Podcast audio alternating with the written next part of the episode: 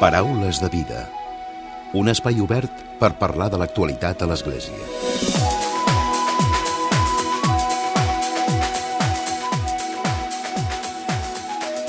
Què tal? Salutacions i molt bon dia i molt bon any. Ara que iniciem el 2021, el nou any, us volem parlar dels reptes que tenen les religions ara que vivim immersos en una pandèmia mundial. Un d'aquests reptes és, sens dubte, la digitalització que ja estava en marxa però que ara s'ha accelerat els últims mesos de l'any 2020 amb la pandèmia i les mesures restrictives i de seguretat. Avui us parlem d'un projecte que té per títol Religions Go Online, impulsat des de l'Observatori Blanquerna de Comunicació, Religió i Cultura, amb el suport del Centre Mundial Intercultural i Interreligiós. Es tracta precisament d'una plataforma on es recullen les propostes digitals que fan les diferents confessions religioses mundials per oferir als seus fidels les cerimònies o els ritus d'una manera diferent al que estem acostumats fins ara. Avui en parlem, reflexionem sobre aquest projecte, sobre aquest Religions Goes Online i ho fem amb l'Alba Sabater. Ella és coordinadora d'aquest projecte. I com sempre, tancarem el Paraules amb un nou comentari de l'actualitat de Francesc Romeu. Comencem.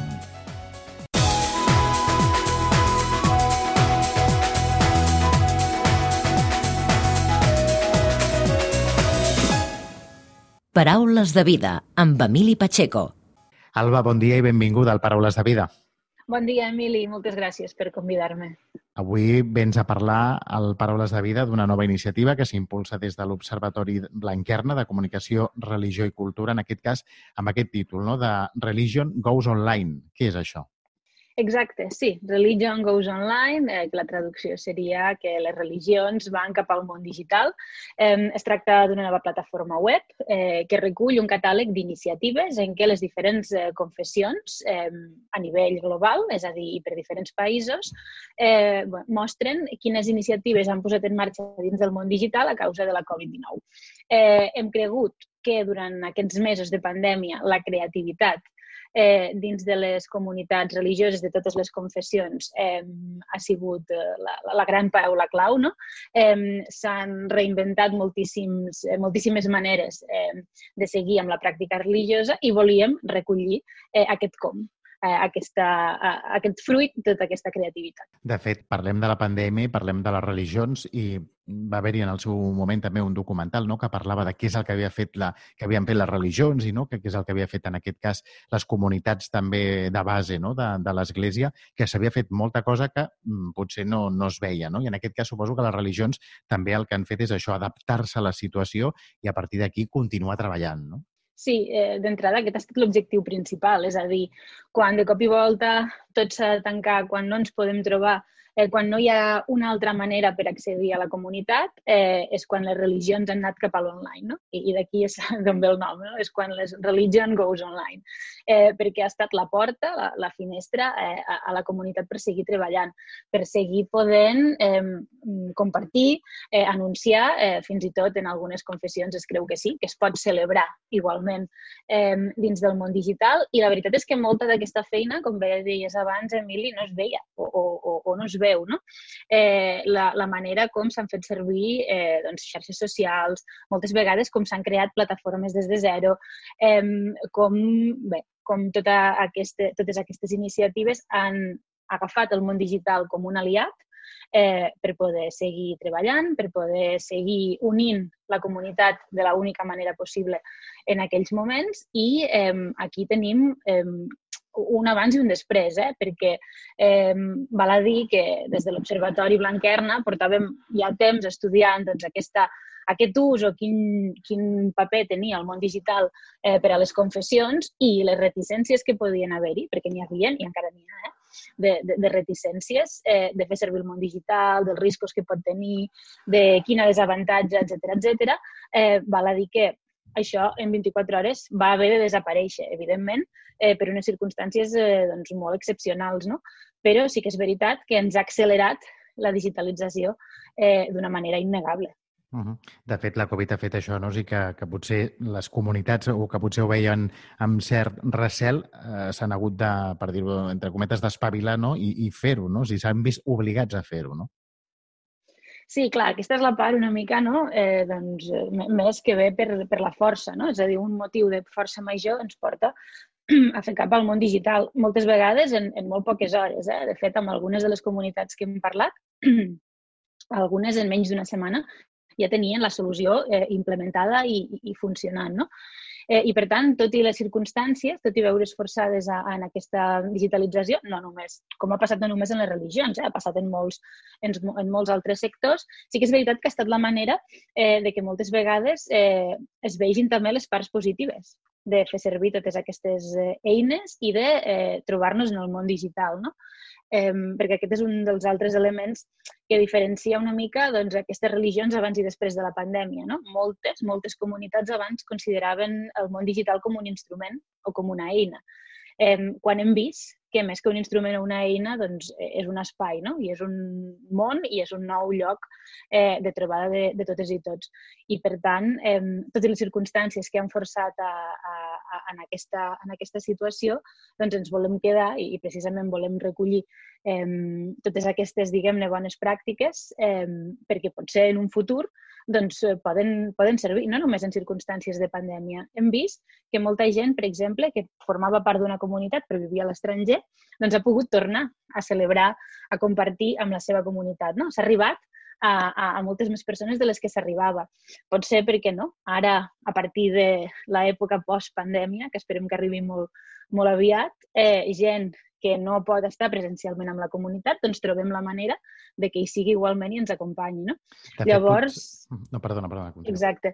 Sí, no, Emili, llavors doncs, eh, és veure també com es poden quedar doncs, i com es poden utilitzar a partir d'ara també totes aquestes iniciatives. Això et volia dir, no? És a dir, que l'era post-pandèmia el que potser farà és que aquestes eines es continuïn ja, eh, que sigui una cosa habitual, igual que parlem del teletreball, doncs que això també, no? O sigui, que la pràctica religiosa també sigui una, una eina habitual, no? En aquest cas, la, la manera de fer-ho. Exacte, exacte. I aquí sí que tornem amb reticències. Eh? Hem parlat abans i després i durant amb, amb diverses persones de diverses comunitats i alguns diuen bé, sí, però fins a cert punt, no? És a dir, es pot compartir, es pot anunciar, però això de celebrar eh, online eh, bé, seria una mica més discutible, no? I, i evidentment, eh, tenim encara molt, molt de camí per, per recórrer. Però bé, de, de cara a donar eh, o obrir la, obrir la porta a gent que no pot venir presencialment, bé perquè viu fora, bé perquè està malalta, eh, bé per X circumstàncies, doncs és una nova, molt bona opció, no? Uh -huh. És veritat que cal pensar que també hem preguntat, heu notat que gent de la comunitat a causa d'això s'ha quedat enrere perquè no tenia les eines, perquè no tenia l'accés eh, i algunes comunitats han dit sí, i tant, hem intentat resoldre-ho és un percentatge molt petit, però, però això és un repte que també tenim. És a dir, no podem pensar que, no, com ha passat també en altres, en altres sectors, que passar al món digital vol dir arribar 100% a tothom. Vol dir arribar a més gent. Però potser encara tenim gent que, que, que es queda enrere, no? I, I això és un repte totalment a resoldre. Mm. Ara que parles de reptes, des de l'Observatori sempre aneu una, amb una mirada més enllà, pensant en el futur, no? Potser ara esteu pensant coses o tendències en, en l'àmbit religiós i de la comunicació que potser d'aquí uns anys veurem. En aquest cas, el repte, ara que deies, no? si arribar a tothom, no sé si també és el repte acabar amb aquestes reticències, no? de dir de que encara hi ha comunitats o persones dintre de comunitats que, que no ho acaben de veure del tot clar. Potser aquest també és el repte, no? treballar perquè això sigui doncs, una normalitat i, com deies, no? també, perquè ara em venia al cap doncs, el tema de, de l'ensenyament, no? quan també es deien aquesta bretxa digital que hi ha, no? de que infants o famílies que potser no poden tenir, el seu infant no pot tenir un ordinador per poder estudiar, doncs en aquest cas seria un símil. No? En el cas religiós, doncs que també gent que potser no té recursos pugui tenir la, la, seva, la seva pràctica, pugui fer des de casa seva no? la, la seva pràctica. Exacte, sí, sí, clarament a nivell de, a nivell de reptes aquest és un i, i, i és claríssim. I mm, a nivell de tendències sí que hem vist i estem veient que, que anem doncs, cap a aquesta hibridació d'espais, no? És a dir, no, no, no, no deixarem la presencialitat, clar que no, però veurem les potencialitats del, del món digital eh, fer desaparèixer aquestes reticències clarament, però crec que això sí que és una cosa que ho tenim com a repte conjunt, perquè fer desaparèixer aquestes reticències vol dir fer desaparèixer els riscos que el món digital té en, en general, no? I, i això és, és un objectiu molt gran, no? Eh, I en què tots tenim un paper, perquè, com sabem, eh, de riscos eh, n'hi ha molts. Eh, però eh, sí que és veritat que a poc a poc eh, i anant eh, fent servir cada vegada més doncs, tots aquests espais, eh, sí que és veritat que, que tot, totes aquestes reticències i aquests riscos eh, poden anar eh, desapareixent. No? També, ja, ja et dic, eh, amb, la, amb la col·laboració de, de, de tots. Això sí que és una tasca, és una tasca conjunta. Compartida. Eh, i, mm. exacte, compartida totalment. I, i llavors, sí, la, la, la part de tot plegat que també doncs, eh, dins de les bones pràctiques veiem, doncs, per exemple, molta més col·laboració intergeneracional dins de les comunitats. No? És a dir, a causa d'això, doncs, eh, doncs, molts més lligams eh, entre doncs, persones de més edat i de menys dins de les comunitats perquè tots puguem fer servir doncs, aquestes eines. No? Eh, així com, eh, en molts casos, doncs, molt més abast dins del públic jove. No? Quan s'han plantejat, per exemple, eh, peregrinacions gamificades a Terra Santa eh, o escape rooms eh, eh, sobre la vida de Jesús, etc etc, doncs s'ha arribat a, a un públic eh, i, i en aquest cas durant la primera època de la pandèmia, a la, a la Setmana Santa, doncs que moltes comunitats reconeixen que, que abans, al, al qual abans no arribaven. No? Mm. Llavors, eh, doncs, bé, aquí també tenim pistes de cap on aniran les coses. Uh -huh. Alba, parla'ns una mica de... Fa poques setmanes que s'ha presentat aquest, aquest projecte que impulseu des de l'Observatori, que és a nivell mundial, aquest eh, compartir doncs, aquestes iniciatives de, de la religió durant la pandèmia. Quins són els... Eh, a la pàgina web que teniu disponible, ha, de fet, hi ha exemples que ja s'han compartit, oi? Exacte, sí, precisament un parell d'aquests els que acabava de mencionar ara, no? Aquest, aquestes peregrinacions gamificades, no només a Terra Santa, eh? també a Lourdes, a Fàtima, n'hi ha diversos llocs. Hem vist escape rooms. Hem, eh, Ets de Ramadan, hem... no crec? Del Ramadà? Sí, també del Ramadà hem vist eh, cerimònies de trencament del dejuni eh, iftars eh, online, és a dir, a través de, de, de videoconferència. Eh, hem vist també oracions eh, diàries a través d'Instagram. Hem vist la celebració jueva doncs, de la Pessà per YouTube, amb també a partir d'aquí doncs, eh, diversos cants eh, i, i diverses eh, doncs, això, comunitats connectades conjuntament doncs, per, per fer aquesta celebració. Eh, hem vist també que eh, el fet de trobar-nos digitalment no vol dir també només trobar-nos amb la nostra comunitat, no? sinó que també s'estan començant a construir ponts entre comunitats. No? I, i per tant, eh, si això encara contribueix més al diàleg, eh, doncs eh, encara és més bona notícia. No? Llavors, eh, ja et dic, en aquests exemples hem trobat eh, doncs, des de plataformes molt sofisticades, ja et dic, fent servir gamificació i aplicacions, fins a eh, fer servir les mateixes xarxes de les que la majoria disposem, com Facebook, Twitter, Instagram, YouTube, i eh, utilitzar-les com a plataforma doncs, per fer sigui trivials, per compartir oracions, per fer debats eh, i per celebrar doncs, les diferents eh, cerimònies i, i, i festivitats que en el calendari de les diferents confessions s'han anat eh, donant eh, i en, molt, en molts moments, algunes en, en, en moment de confinament dur, de pandèmia, no? Per tant, eh, sí, la tendència ha estat, ha estat aquesta. Eh, en tenim unes quantes de recollides, però evidentment eh, això anirà creixent. També convidem, i dins de la pàgina web hi ha la possibilitat a que les comunitats eh, puguin enviar elles mateixes aquella pràctica que elles han fet servir eh, per també donar-la a conèixer. Hi ha un formulari i allà es pot, eh, es pot enviar molt, molt fàcilment. Eh, totes són benvingudes a, a fer-ho i després eh, es poden localitzar eh, amb un cercador dins de la web eh, per país i per confessió. És a dir, que les tenim classificades d'aquesta manera perquè també doncs, sigui certament eh, fàcil localitzar-les. Una mica la vostra feina quina és? Rebeu aquestes propostes, feu una mena de filtratge per mm, veure, fer comprovacions corresponents i a partir d'aquí es, es, es fa la, la difusió? Exacte, sí. Eh, nosaltres posem dues condicions, eh, que és que siguin iniciatives que hagin tingut en compte el món digital i que hagin sorgit a partir de la, de, de la Covid, no? Eh, encara que siguin iniciatives que ja existien, però que durant la Covid i per la Covid se'ls ha afegit alguna mena de característica o, o aplicació. No? I llavors, eh, si compleixen aquests requeriments, eh, simplement eh, fem la classificació per, ja dic, per país d'on va sorgir la iniciativa eh, i per confessió i, i les publiquem al, al portal, al portal web eh, en obert. Ara per ara el portal només està en, en anglès, estem treballant perquè aquí eh, no molt pugui estar també disponible en, en català i en, i en castellà. Val a dir que per, per desenvolupar aquest portal hem rebut també el suport del Centre de Diàleg Interreligiós de Viena, el CAIFIT, que, que ens, ha, ens ha donat el seu suport i la seva ajuda també per llançar aquesta plataforma durant aquests mesos. De fet, heu impulsat aquesta plataforma, és a nivell mundial. Eh, per vosaltres és també un nou repte no? dintre de, de l'Observatori? Totalment, totalment, perquè no, no ens ho hem posat no ens ho hem posat fàcil perquè hem dit anem a buscar totes les que existeixin, totes les que hi hagi. Evidentment, tampoc no ens hem posat una data per arribar a totes. Sabem que és... Això d'anar eh, creixent, no? Molt difícil, exacte, però es tracta d'anar creixent, no? I es tracta d'anar visibilitzant eh, què fan eh, les confessions, no? I, I com fan servir el, eh, el món digital. I, per tant, aquesta idea de l'ongoing, de l'anar creixent i, i, i continuant, ens agrada molt. No? I per tant, doncs aquest també és, és l'objectiu. Eh, a més de acabar eh, una mica l'època de pandèmia doncs, amb, amb bones notícies, no? i amb notícies positives, i és amb bones pràctiques i eh, amb oportunitats que han sorgit i que poden continuar implementant-se.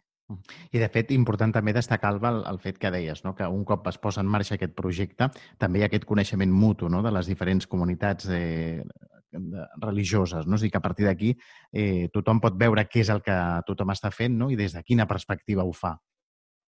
Exacte, clarament. A més, posem de quina comunitat ha sorgit i donem l'oportunitat a qui vulgui de mm, poder contactar aquella comunitat que, que ho ha posat en marxa, sigui de la pròpia confessió o, o d'una altra. És a dir, es tracta també de que serveixi d'espai de trobada, eh, sincrònic o asincrònic. És a dir, eh, què estan fent les comunitats eh, jueves a França eh, eh, sobre aquest tema? No? Doncs, doncs vaig a mirar-ho. I, I vaig a veure quina bona pràctica d'aquestes jo podria implementar, perquè potser m'estic plantejant plantejant en la meva comunitat, eh, encara que sigui d'una altra confessió, eh, doncs posar en marxa una iniciativa d'aquestes i vull veure que ha funcionat millor, eh, vull veure quines iniciatives eh, s'han fet servir i encara que jo sigui SIC, sigui eh, de, la, de la comunitat cristiana ortodoxa, sigui catòlica, eh, moltes d'aquestes bones pràctiques eh, les puc implementar, no? I per tant, si m'interessa, doncs puc veure què ha funcionat. I, i i és més, i si tinc jo alguna cosa a aportar, evidentment, serà, serà molt benvinguda, no? Doncs eh, també aquí aquesta arrel del, del diàleg. És una iniciativa pionera? O hi ha eh, a nivell...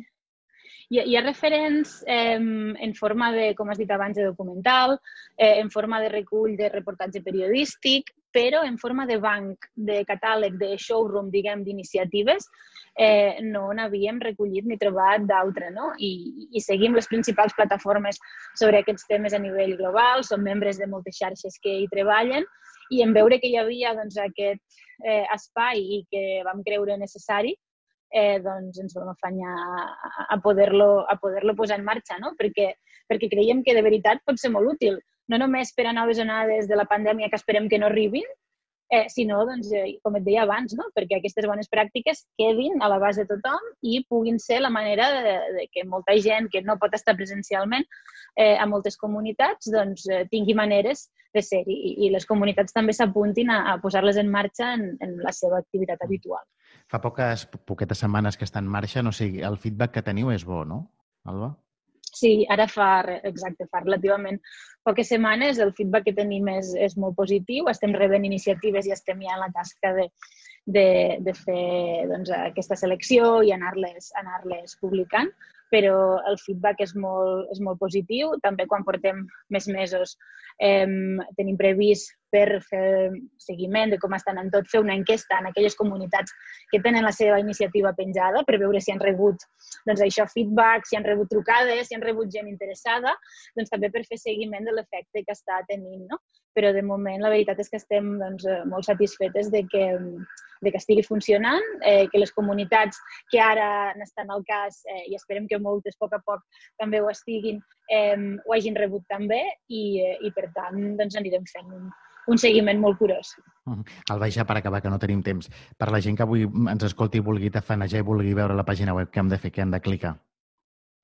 Sí, han de posar només 3 W, punt, i tal com sona, eh, religiongoesonline.com eh, i allà ja, en obert, eh, podran trobar les, les iniciatives. També tenim un enllaç directe des de la pàgina web de l'Observatori, des de www.opsblanquerna.com. Eh, també hi ha l'enllaç a, directament a la pàgina. Eh, així que tothom està convidat a, Eh, evidentment, entrar-hi, eh, donar-nos el, el feedback i mm, totes aquelles comunitats, totes aquelles persones que vulguin aportar eh, doncs, les iniciatives que han posat en marxa eh, estan més que convidades. Mm. Doncs, Alba, gràcies per haver-nos acompanyat avui al Paraules de Vida. Moltes gràcies a vosaltres, Emili. Paraules de Vida. Segueix-nos a Facebook i Twitter. Arroba Paraules de Vida. I tot seguit arriba el primer comentari de l'actualitat de Francesc Romeu, el primer comentari del 2021. Francesc, bon dia i bon any. Molt bon dia a tothom i molt bon any nou 2021. El desig que tots teníem d'acabar finalment amb l'any 2020, com un any desgraciat, fa que hàgim encetat aquest any 2021 amb moltes esperances i anels. Tantes que fins i tot fa por que no esdevingui un any decepcionant si no aconseguim tot el que hem desitjat. Quan d'aquí uns anys els historiadors entrin a estudiar com va ser l'any 2020, veuran que quedarà marcat per la pandèmia mundial de la Covid-19. Miraran les fotografies i ens veuran a tots amb mascaretes, miraran les activitats que es van fer i veuran la quietud dels mesos de confinament absolut. Miraran l'economia i veuran una caiguda i un desastre total. Tot s'explicarà per l'afectació del coronavirus. Un any desastrós, un any perdut. Per això molts ja qualifiquen l'any 2021 com l'any de la vacuna i de les esperances recuperades.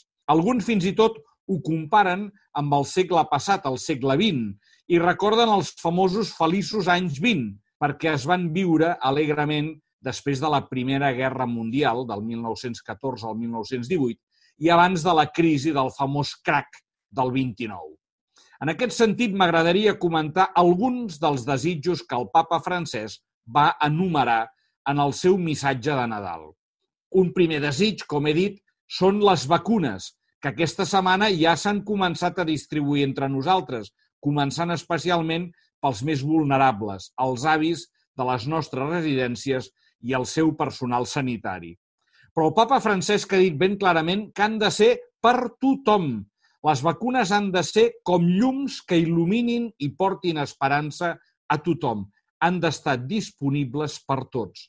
No podem deixar que el virus de l'individualisme radical ens superi i ens faci indiferents al patiment d'altres germans i germanes. No puc posar-me per davant dels altres, posant les lleis del mercat i les patents d'invenció per sobre de les lleis de l'amor i de la salut de la humanitat.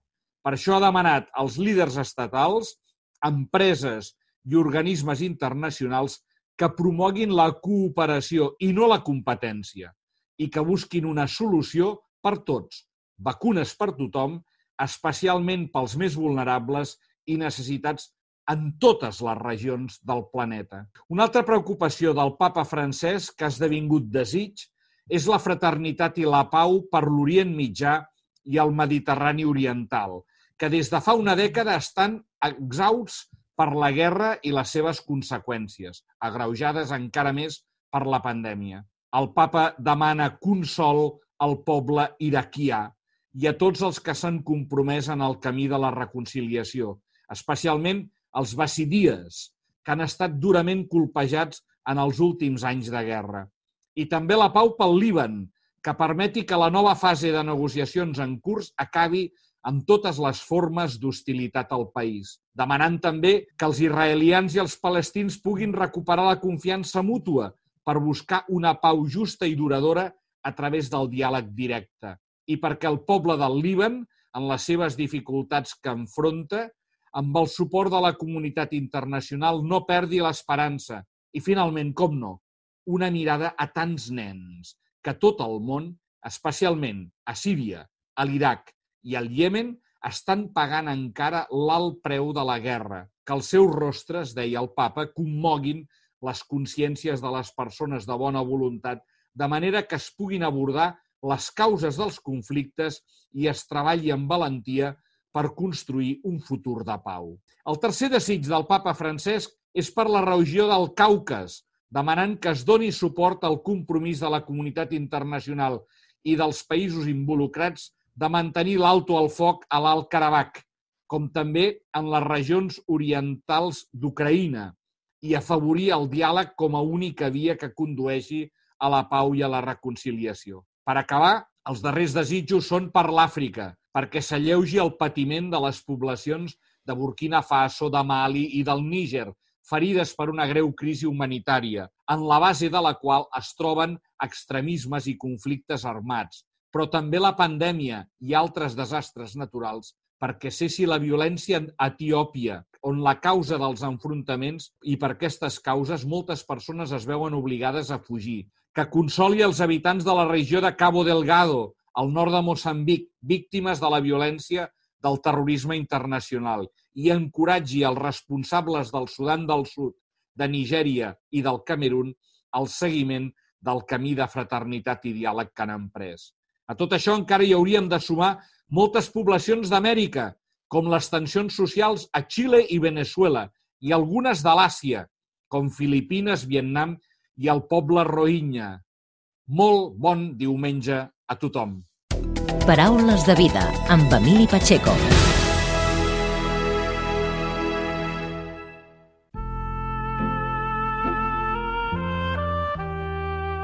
Us oferim la carta dominical de l'arcabisbe de Barcelona, Joan Josep Omella. Déu us guard. Quants infants han enviat les seves cartes als Reis Mags d'Orient? Encara que adult, un any més vull escriure també la meva carta, senzilla com la de tants nens i nenes. Benvolguts Reis Mags d'Orient. Us escric per compartir amb vosaltres la meva llista de desitjos. Com bé sabeu, el 2020 ha estat un any difícil i per això crec que aquesta carta també serà difícil d'escriure. Estic convençut que el que us demanaré és un clam general i encara que la signo jo, podrien haver-la escrit milions de ciutadans del món. Homes, dones, nens, adults, joves, gent gran, empresaris, treballadors, estudiants, creients, ateus.